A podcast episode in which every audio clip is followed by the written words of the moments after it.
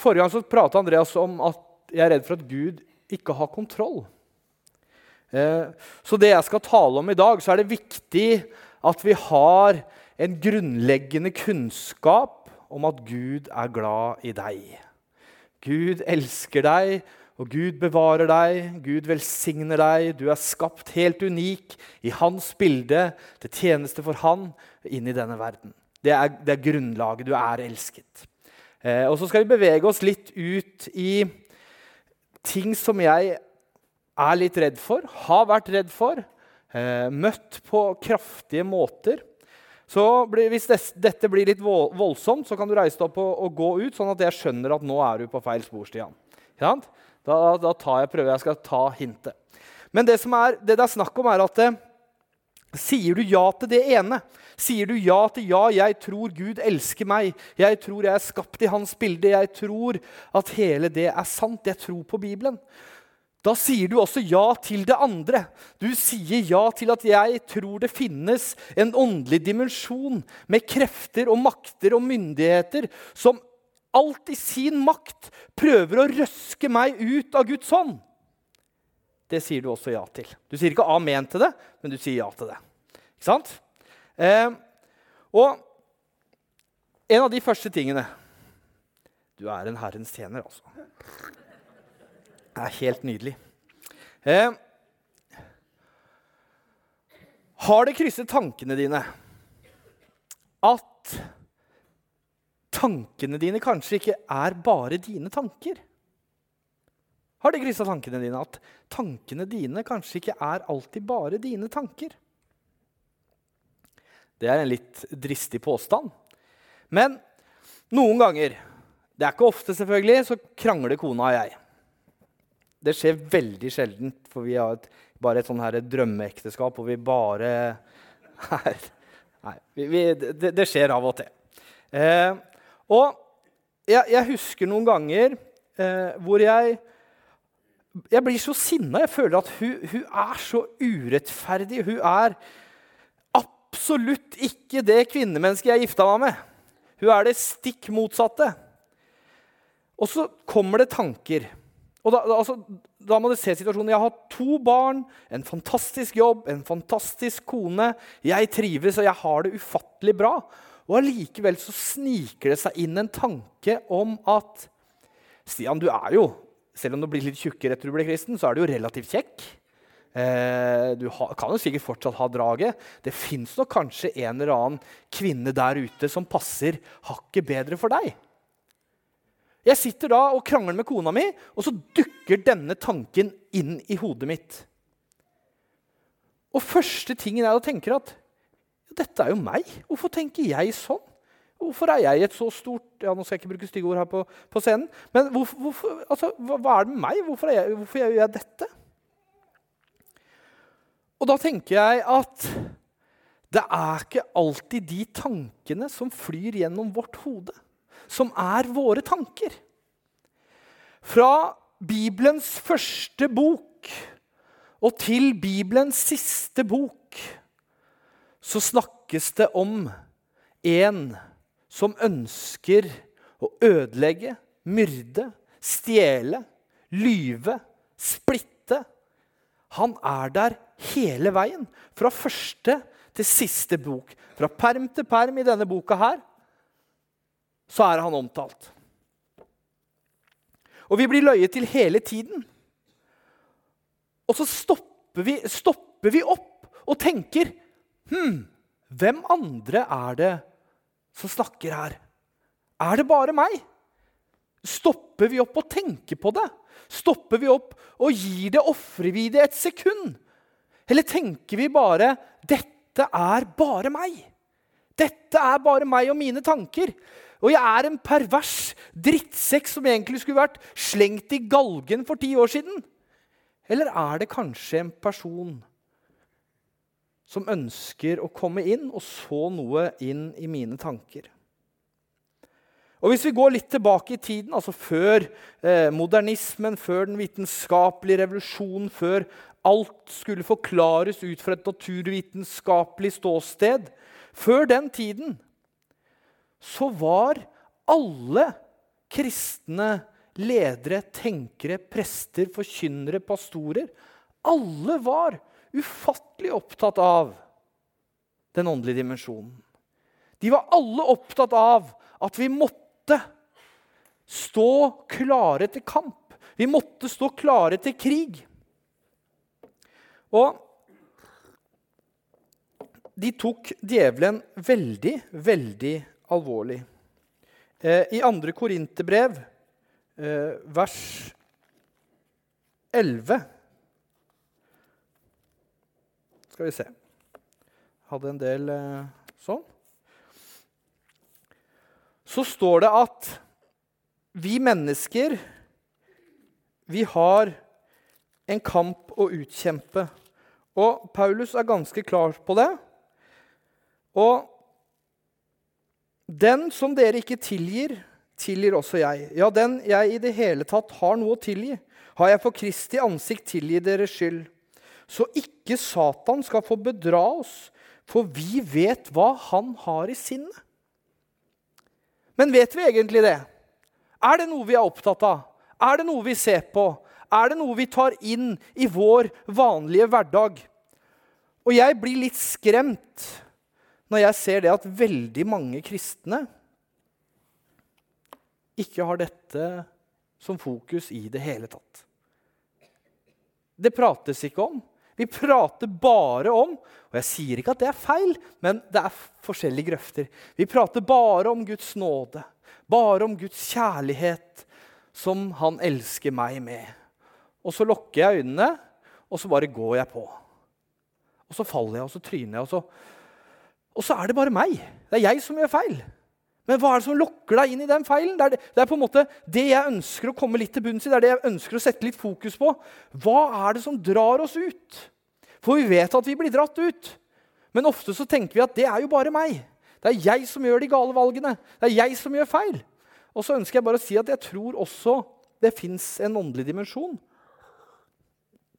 som vi har sagt ja til, og som jeg er litt redd for. Er det noen av dere som er litt redd for den åndelige dimensjonen? Litt av det åndelige? Ja. Og jeg, eh, jeg var på et, eh, et seminar eh, i, i, Stavanger, på, i Imi-kirken, på Agenda 1. Og da var det en, en, kvinne der som hadde vært tidligere satanist. Vært satanist i over ti år. Og hun sa det at det, det finnes vel så mange alter til Satan i Stavanger som det finnes alter til Gud. Og vi, vi møtes ikke bare på søndag. Vi er bevisste på at vi skal gå ut og ødelegge. Så vi fortalte en historie hvor de var på gudstjeneste i, i, i Stavanger kirke. Og de satt åtte stykker og ba og ba og messa til Satan om at dette skulle gå rett til helvete med hele greiene. Og det som skjedde, det var at presten snubla i en ledning og smalt huet i døpefonten, og de måtte avlyse gudstjenesten. Altså, Dette er virkelig, dette her er ikke bare sånn vi ser på film eller i science fiction. Men det fins faktisk helt reelt en dimensjon som er her. Rett ved siden av oss, rett bak oss, rett over oss, rett under oss, som prøver å påvirke oss. Hun hadde gitt livet sitt til Jesus og sa det at 'jeg er helt skremt', sa på hvor mange kirker vi fikk lov å gå inn i og få lov å bli værende i. For hun var i én kirke. Hun var i én kirke. Hvor de kom inn, satte seg ned, og så kom det tre menn bak og sa 'Dere skal bare pelle dere ut herfra'. Dere har ikke noe her å gjøre. Hvor mange av dere hadde hadde gjort det hvis noen som satt her i salen. Hæ? Men altså, de var der av den ene grunnen at de skulle ødelegge. Og her var det åndelige, våkne mennesker som så det, tok fatt i det og, og, og satt lys på det. Og, og, da skjedde det noe. Og hvis vi ser, eh, så har vi ofte en hvis det skjer noe, så er det jo altså Det at han presten snubla, det var jo sikkert fordi at han var klumsete. Eh, og det fins mange andre eh, fysiske og psykologiske eh, forklaringer på hvorfor han snubla og slo hodet i døpefonten. og, og, det er ofte sånn, er det, ikke, er det ikke sånn vi gjør i dag, da? Alle, alle ting er psykologiske, eller så er det fysiologiske ting. Det er ingenting som vi snakker om i forhold til det åndelige. Og hvis vi går til Jobb, Jobbs bok, kapittel 1 Så kan vi jo se hvordan Satan trekkes frem som en reell person. Så en dag kom gudesønnen, en av gudesønnene og trådte fram for Herren. Blant dem var også anklageren. Herren sa til ham, 'Hvor kommer du fra?' Han svarte, 'Jeg har streifet omkring på jorden.' Herren sa, 'Så la du vel merke til min tjener Jobb.' På jorden finnes det ingen som han, en from og rettskaffen mann som frykter Gud og unngår alt ondt. Men anklageren svarte, det er vel ikke uten grunn at Jobb frykter Gud? Har du ikke vis vernet om han, hans hus, alt han eier? Hans henders arbeid velsignet du, og budskapet hans brer du ut i landet. Men rekk bare ut hånden Eh, og rør ved alt som er hans, så får vi se om han ikke spotter deg like opp i ansiktet. Da sa Herren til anklageren, se, alt han eier, er i din makt. Men ham selv får du ikke legge hånd på. Så gikk anklageren bort fra Herren. Han er der, og han er en reell person. Og han snakker til Gud, og han ser jobb. Og, og, Gud er stolt av jobb. Altså, Se på denne mannen. Jeg hører at Gud er stolt av jobb når jeg leser den teksten her. Og så ser vi anklageren kommer. Jammen, jammen, jammen, jammen. Og vi kommer litt tilbake til det senere. Og f.eks. denne kvinnen som var bøyd ned i 18 år i, i Lukas 13. En sabbat underviste han i synagogene. Der var det en kvinne som hadde vært plaget av en sykdomsånd i 18 18 år. Hun var helt krumbøyd og kunne ikke rette seg opp. Da Jesus fikk se henne, kalte henne til seg og sa, 'Kvinne, du er løst fra din sykdommen din.' Han la hendene på henne, og straks rettet hun seg opp og lovpriste Gud. Hvem var det som bøyde denne kvinnen ned? Og så tenker vi da, så fort du har vondt, så fort du har vondt i hodet, så fort du har vondt i ryggen, så fort det er et eller annet fysisk med deg, så er det en eller annen fysisk konsekvens. I 100% av tilfellene. Vi tar ikke åndens kraft inn i betraktning i det hele tatt. Dette er en veldig veldig skarp påstand fra min side, så vi kan diskutere det etterpå. Men jeg tror det. For det er ikke det som slår inn i hodene våre. Fordi at dette er, noe, dette er noe vi er litt redd for.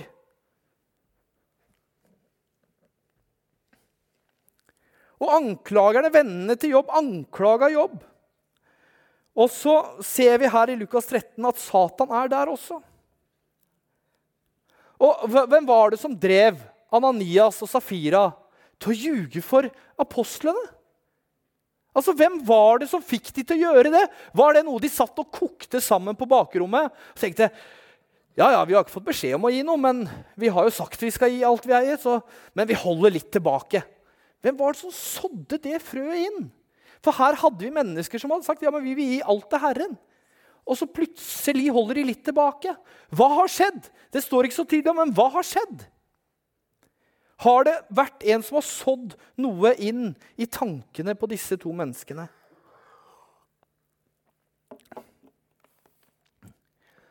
Og så har vi en Nå går vi jo mot, nå går vi mot juletider, dere. Noen gleder seg mer enn andre her, vet jeg. Eh, noen har gleda seg siden slutten av august. Eh, og det er jo et fantastisk bilde. Englene som synger på markene for hyrdene. Dette vakre vakre, lille Jesusbarnet som fødes i en stall.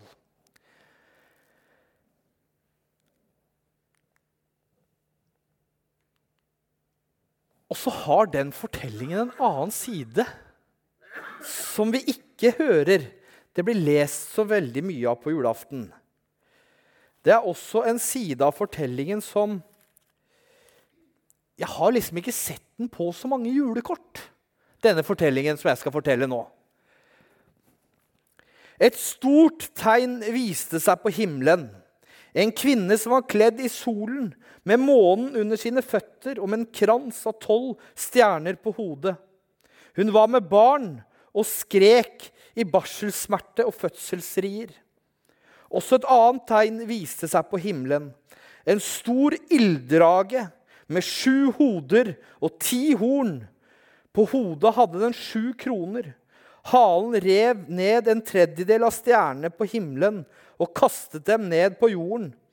Dragen stilte seg foran kvinnen, som skulle føde, for å sluke barnet så snart det var født. Da fødte hun et guttebarn som en gang skal syre alle folkeslagene med jernstang. Og barnet ble rykket opp til Gud og til hans trone. Det er den samme fortellingen, men det er et litt annet perspektiv. Det er det åndelige perspektivet på den samme fortellingen. Det Gud gjør, er at han setter inn støtet i den episke, største kampen som noensinne i universet har vært og kommer noen gang til å være. Der setter han inn sitt trumfkort. Han sender sin sønn den enbårne midt inn i frontlinja for å redde menneskeheten. Og så tenker vi ja, men vi står jo ikke i sånn kamp. Vi bor jo på Sørlandet. Her er det så fint at det Hæ? Vi er jo ikke i en sånn kamp. Jo, vi er midt i den kampen. Vi står midt i frontlinja, og vi står og er ikke helt klar over hva som skjer. For vi har dette fokuset. Og så mister vi dette fokuset. Og da blir vi veldig enspora. Og så får vi litt sånn skylapper på, og så ser vi ikke hvilke angrep som virkelig foregår. Når skilsmisser skjer Nå sier jeg ikke at alle skilsmisser har en åndelig grunnvoll. Men jeg tror mange skilsmisser har det. Men det tenker vi jo ikke på i det hele tatt. For vi bor jo på Sørlandet, og vi ser jo bare det fantastisk flotte. Så denne krigen, den er åndelig. Og hvis ikke vi tar dette alvorlig, så vil du merke og oppleve at fienden sniker seg opp bak deg og spenner bein på deg og overrasker deg når du minst venter det. I Salme 45 så står det Spenn sverdet fast ved hoften, du kriger. I din høyhet og herlighet. Vinn seier i din herlighet. Ri ut i strid for sannhet, mildhet og rett. Din høyre hånd lar deg se skremmende gjerninger. Men det blir ufattelig vanskelig å slåss mot noe vi ikke ser eksisterer, noe vi ikke tror eksisterer, noe vi ikke tenker på. Altså, jeg har ei god venninne, og hun, hun, skulle i et møte. Og så, så, sa jeg til henne ja, men vet du hva? Du skal inn i det møtet, og du er litt nervøs. vet du hva? Ta Be Den hellige ånd inn i det. Bare be om Guds kraft, Guds lys, inn i situasjonen. Og Så møtte jeg henne senere, og så sa hun det, det møtet gikk jo så utrolig fint. Alt på en måte bare kom til syne. Alt ble satt i lyset. Og så husker jeg var hos min narkomane far. Og jeg var der, Det var julaften eller lillejulaften for tre år siden. Og jeg pleier å ha til tradisjon at jeg stikker opp altså Det er et narkoreir. Eh, så jeg pleier å reise opp om narkoreiret, og så har jeg med meg tolv halvlitere med julebrus. Og så har jeg med marsipan. Eh, og så har jeg med en liten julegave. Eh, og så akkurat den dagen jeg, eller lille jeg kom opp da, så var det som vanlig en, en hel gjeng med folk der. En hel gjeng med narkomane. Og de holdt på å skru sammen en peis med TEK 7. Ja, den peisen står ikke enda, for å si det sånn. og Eh, jeg, jeg, måtte da gå opp og vente, for de skulle bare bli ferdig med det prosjektet sitt. Eh, og så husker jeg gikk i rommet der oppe, for jeg kjente det var en sånn her Jeg blei ble skikkelig bare utmatta og tom. Og så bare gikk jeg Jesu Kristi navn, og så bare rensa jeg hele rommet. Og Hadde folk sett meg, så hadde de jo kanskje sendt meg på psykiatrisk, men jeg er såpass gal at det får være fint. Så jeg gikk og ba.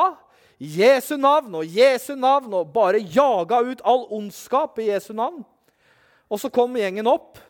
Og de fikk julebrus og marsipan og et par som ikke kunne spise, for de hadde ikke tenner igjen. Men Eh, det, var, det, var, det var fin fest. Veldig fin fest. Men det som var litt spesielt, er at en av de som satt der, han hadde akkurat sittet inne i åtte år, for han er en av de i Grenland som har eh, importert og pusha mest heroin. Han blei vel tatt for 12 kilo heroin og har vel gjort dette i en, i en mannsalder. Han er over 55 år gammel. Eh, og han er ganske fryktinnydende. Ha, altså Du ser i øynene hans at her Jeg tar ikke fem øre for å ta og, og drepe deg. Altså her er det Han er klin gal i hodet sitt. Men så havna vi da inn i en, i en prat, og så sier han at mitt livsmotto er ene og alene at det er alltid motsetninger. Livet består kontinuerlig og bare av motsetninger. Og da minte Den hellige ånd meg på Ja, men Stian, husker du hva C.S. Lewis sa om dette? Fikk jeg plutselig, Jeg hadde lest C.S. Lewis på mange år. Plutselig fikk jeg en tanke. Så sier jeg til henne ja, men vet du hva? Jeg tror ikke på deg. Altså, folk som ikke trodde på han eller var enige med han, de fikk gjerne juling eller eh, fikk et eller annet problemer. Så, men jeg tror ikke på det. For jeg tror det handler om at ondskap det er bare mangel på kjærlighet. Mørke det er mangel på lys. Kulde det er mangel på varme. Så det er ikke motsetninger. Det er mangler. Og så De andre fire de lo. De lo så tårene trilla.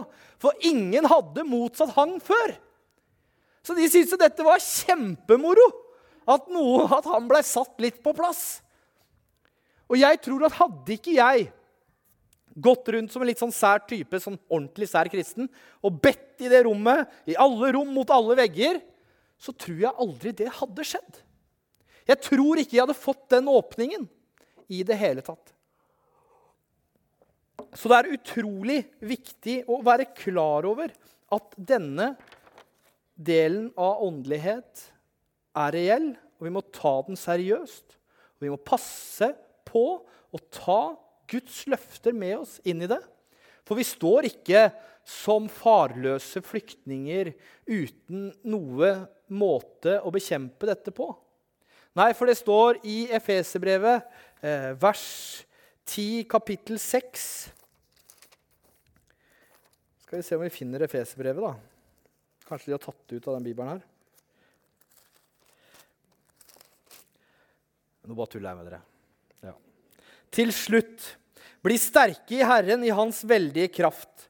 Ta på Guds fulle rustning, så dere kan stå dere imot djevelens listige knep. For vår kamp er ikke mot kjøtt og blod, men mot makter og åndskrefter, mot verdensherskere i dette mørket, mot ondskapens ånde her i himmelrommet. Ta derfor på Guds fulle rustning, så dere kan gjøre motstand på den onde dag og bli stående etter å ha overvunnet alt. Og så ser jeg at for første gang i mitt liv så har jeg planlagt altfor mye. Så jeg, jeg, ser på klokka at jeg må liksom hoppe til siste bilde. Eh, og det er, det er vårt håp. Det er vår glede. Det er der vi ender opp. Men altså, er dette noe dere tenker over? Dette er noe dere bør tenke over. Og Hvis dere leser Bibelen, så vil dere se at fra perm til perm så er dette en realitet. Bak scenene i deres liv så har djevelen en plan. Altså Alle små krangler vi har i ekteskap for det, altså, Nå skal jeg ikke overåndeliggjøre det og si at ja, men alt er bare åndelig. Nei, vi, vi er mennesker. Vi er, er overhodet ikke feilfri. Vi har problemer på jobben og i ekteskap og i menigheten. Og alle steder så har vi ting som vi kan jobbe med. Men disse små tingene er ofte små leirbål. Små leirbål som djevelen da ser, og så tenker han her har jeg muligheten. Og så bare kommer han inn med en sånn svær tankbil med bensin og hiver på. Og så føles det ut som det er skogbrann, og hele verden skal rase sammen. Ekteskapet er ikke til å redde for dette. Nå, nå er det så stort at det, det er umulig. Og så var det egentlig bare et lite leirbål. Hvis han setter, setter Det er ikke bare deg. Det er faktisk en som ønsker å så inn hele veien. Og Egentlig så skulle jeg prate om dette her, for det er også et veldig viktig element. Men jeg så på tida at jeg har ikke tid. Dessverre. Men kom på neste kveldsgudstjeneste, så skal vi ta hele greia på nytt igjen. Og så skal vi dra inn alt sammen. For på kveldsgudstjenestene så får vi lov å være litt sånn ekstra åndelige. Ikke sant? Da får vi lov å trøkke til litt. Da taler vi litt i tunger, og vi kjører på. Ikke sant? Eh, og det er heller ikke skummelt, altså. Jeg, jeg, jeg taler ofte litt i tunger. Og, men allikevel. Seieren, den er vunnet. Kristus har seiret. Men, og så står det i Romerbrevet kapittel 8, vers 18. Jeg mener at det vi må, nå må lide i den tid som nå er, ikke kan regnes for noe mot den herlighet som en gang skal åpenbares og bli vår. For det skapte venter med lengsel på Guds barn skal åpenbares i herlighet. Så står det i vers 35. Hvem kan skille oss fra Kristi kjærlighet? Nød, angst, forfølgelse, sult, nakenhet, fare eller sverd. Som det står skrevet, for din skyld drepes vi dagen lang. Vi regnes som slaktesauer. Men i alt dette vinner vi mer enn seier ved Han som elsket oss. For jeg er viss på at verken død eller liv, verken engler eller krefter, verken det som nå er eller det som kommer, eller noe makt, verken det som er i det høye eller i det dype, eller noen annen skapning, skal kunne skille oss fra Guds kjærlighet i Kristus Jesus, vår Herre. Det er fundamentet. Det er fundamentet hele huset er bygd på. Det er fundamentet hele vår virkelighet baseres på. Men så er det en som ønsker å lage trøbbel. Og vi må altså Luther sa vel det at når han hadde sin tårnkamp, så sa han vel det at det, djevelen kom, og angrep. Og jeg prøvde å få han vekk med bibelvers, men det funka ikke i det hele tatt. Så da måtte jeg gjøre det siste jeg kunne, og det var å begynne å spotte djevelen. For det verste djevelen vet, det er å bli spotta, for han tar seg selv så ufattelig høytidelig. Så så hvis dere ligger og skal sove, og dere plutselig begynner å tenke på ting som Hvor kommer dette fra? Eller dere står der i en krangel med kona og plutselig tenker at ja, men jeg er jo ufattelig kjekk. Jeg burde jo egentlig bare stikke av gårde. Så tenker jeg hvor kommer dette fra? Når dere står i situasjoner hvor dere plutselig Dette er jo egentlig ikke meg. Istedenfor å da internalisere og si at ja, men dette er meg, still heller spørsmålet hvem er det som snakker nå? Hvem er det som hvisker meg i øret nå? Herre, hjelp meg å se hva som skjer. Sett lys på det Avslør det i Jesu Kristi navn. Avslutte med en bønn. Takk, Herre, for at du omslutter oss. Takk for at du beskytter oss. Takk for at du utruster oss til å stå i denne kampen. Og Herre, jeg ber om at vi får øyne som ser og avslører disse tingene i vårt liv. Herre, jeg ber om at ikke vi skal være redd for det åndelige, men at vi skal kunne i din kraft og sammen med deg utrustes til all god gjerning og utrustes til å møte disse problemene, disse kampene, disse kampene som er, og som kommer til å komme. Så ber jeg her om at vi skal avsløre hvor de kommer fra, og at du gir oss redskapet og verktøyet til å løse de på en best mulig måte. Ikke i egen kraft, men i kraft av deg, Jesus. I Faderens, Sønnens og Den hellige ånds navn. Amen.